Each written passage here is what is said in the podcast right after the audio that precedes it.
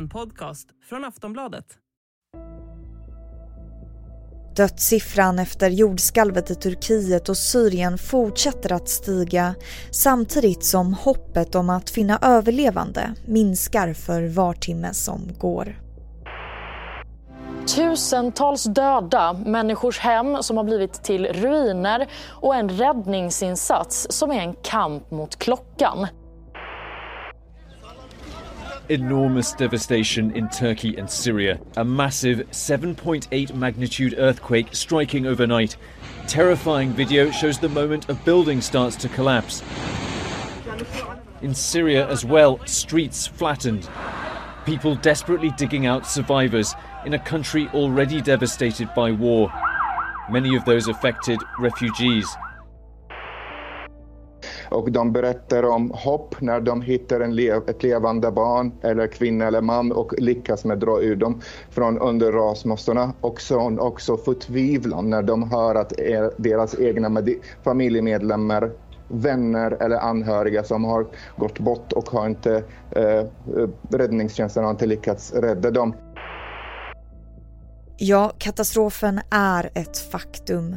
I nuläget, när det här spelas in, så uppskattas dödssiffran till nästan 20 000 personer och den befaras stiga.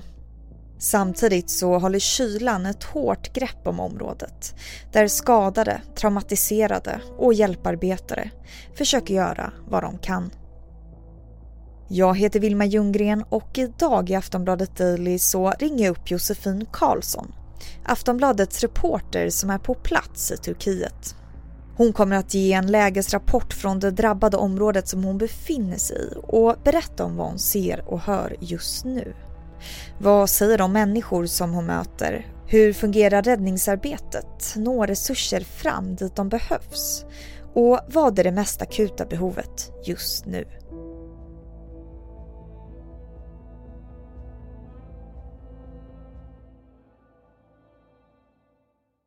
Hej Josefin! Hej, hallå! Det är ju lite dålig uppkoppling men vi hoppas på det bästa här. Eh, kan du berätta var du befinner dig just nu? Just nu befinner vi oss i Karman Marash. Det ligger eh, utanför storstaden Gaziantep här i östra Turkiet.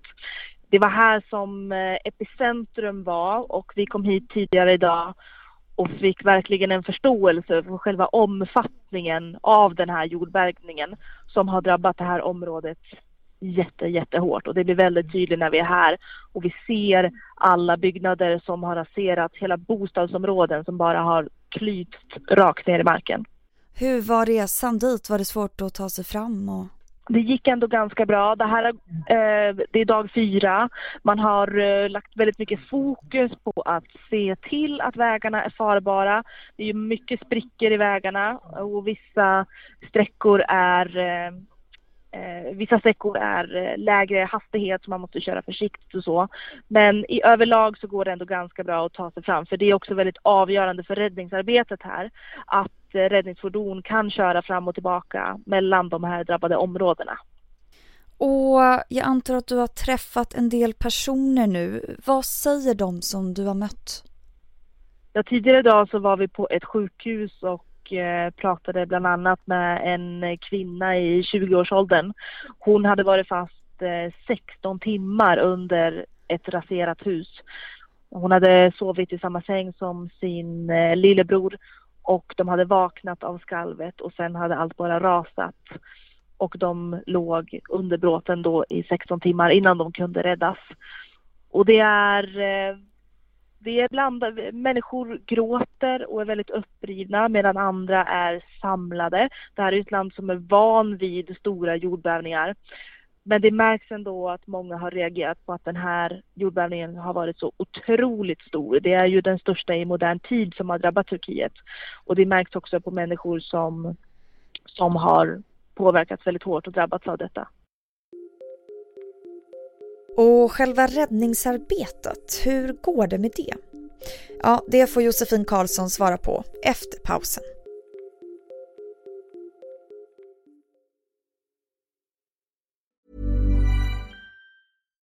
Botox Cosmetic, out of botulinum toxin A, FDA approved for over 20 years. So, talk to your specialist to see if Botox Cosmetic is right for you.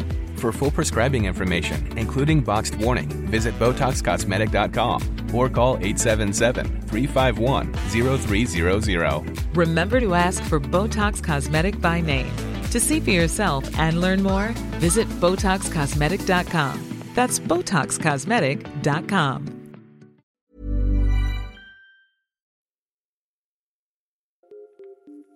Ja, räddningsarbetet pågår ju för fullt men det har också rapporterats om att resurser inte når fram. Vi hör Josefin Karlsson igen. Ja, så är det. Det här är ju just där vi är idag är eh, en stad lite längre upp på högre höjd. Det flyger väldigt mycket helikoptrar här och man försöker få hit så mycket förnödenheter så mycket. Det är väldigt många lastbilar som far hit.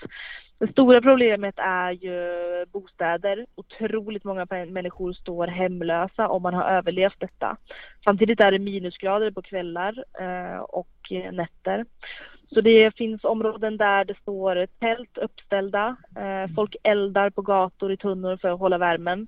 Och det är ju bränslebrist, bensinbrist och vi har sett flera stora lastbilar som åker in på bensinstationer för att fylla på och fylla på bensin. Men det är verkligen en bristvara. Och vilket behov är det mest akuta skulle du säga? Ja, just nu det är ju fortfarande hopp om att, om att hitta liv, även om det är dag fyra. De första 72 timmarna brukar man bedöma som de allra mest kritiska för att hitta överlevande. Och igår eh, när det hade gått 72 timmar så hittade man faktiskt eh, överlevande. Idag har vi varit i Karmanmarash och man har grävt och grävt och grävt och vi har sett flera människor som har dragits upp ur massorna. Vissa av dem avlidna och vid ett fall så var det lite osäkert om personen var vid liv eller inte. Men oavsett så pågår ju arbetet febrilt här för att kunna hitta människor och förhoppningsvis överlevande även om chanserna minskar allt mer. Det är ju svårt att föreställa sig, det måste ju vara fruktansvärt men märks det på stämningen liksom att, att folk börjar ge upp eller finns hoppet kvar skulle du säga? Det jag märkte som en eh, tydlig skillnad idag är eh, en tydlig frustration.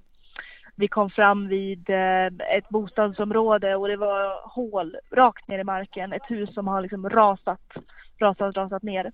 Och det står en kvinna och skriker. Hon är förtvivlad och förbannad och skriker åt människor och räddningsarbetare att rädda hennes anhöriga då som befinner sig i huset. Och det är tydligt att hon börjar inse att det snart är för sent för hopp, att hålla hopp vid liv och det var väldigt fruktansvärd syn. Mm. Du befinner dig ju i Turkiet men även Syrien är drabbat. Vet du något om hur räddningsarbetet går där? För det är ju svårt att ta sig in i landet. Precis, och Syrien som redan är drabbat av eh, krig och konflikt har ju en annan situation. Eh, Turkiet är väldigt vana vid eh, jordbävningar och naturkatastrofer. Så Syrien har ju en annan situation där det är väldigt tufft för organisationer att ta sig in i landet då vägarna in och situationen på platsen redan är så pass ansträngd. Och nu, hur ser det ut med efterskalv och sådär? Ja, precis. Vi igår morse så, jag tror att det var igår morse, så var det ett ganska högt skalv på, på fem magnitud, vilket ju är ganska mycket. Så det har varit väldigt, väldigt många efterskalv och det brukar det ju vara.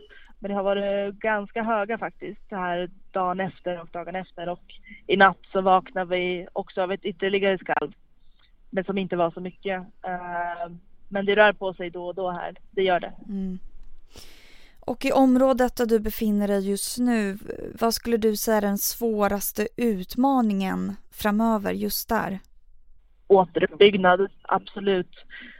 Det som var väldigt, väldigt tydligt talande, det var att vi kom in i ett bostadsområde. Jag såg en skylt där det stod Market.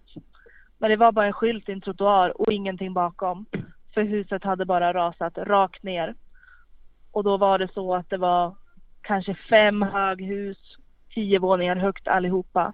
Alla hade bara rasat rakt ner mot intet. Så det är ju en det är bråte överallt, överallt i det området just nu. Där man samtidigt söker då efter människor som saknas. Du är på plats eh, och rapporterar. Vad tror du att vi kommer att få höra framöver? Hur kommer det här att utveckla sig? Det jag tror är WHO gick ut för några dagar sedan och befarade att det skulle röra sig om kanske 20 000 döda. Jag befarar att den siffran skulle kunna komma att bli mycket, mycket mer. Det är många människor som fortfarande saknas och eh, man befarar ju, ju allt längre tiden går att, att de inte kommer att hittas vid liv. Så det är eh, en stor risk att det här kanske kommer att bli Turkiets värsta eh, jordbävning någonsin. Ja, du hörde precis Josefin Karlsson, Aftonbladets reporter som är på plats i det jordbävningsdrabbade Turkiet. Jag heter Vilma Ljunggren och det här är Aftonbladet Daily.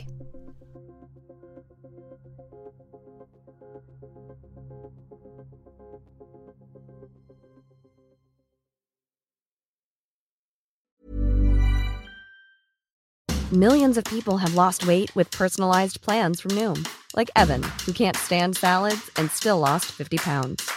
Salads, generally, for most people, are the easy button, right? For me, that wasn't an option. I never really was a salad guy. That's just not who I am. But Noom worked for me. Get your personalized plan today at Noom.com. Real Noom user compensated to provide their story. In four weeks, the typical Noom user can expect to lose one to two pounds per week. Individual results may vary.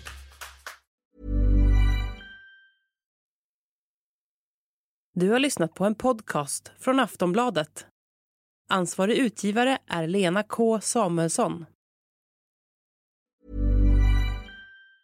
Tired of ads barging into your favorite news podcasts? Good news. Ad-free listening is available on Amazon Music. For all the music plus top podcasts included with your Prime membership. Stay up to date on everything newsworthy by downloading the Amazon Music app for free or go to amazon.com slash news ad free. That's amazon.com slash news ad free to catch up on the latest episodes without the ads.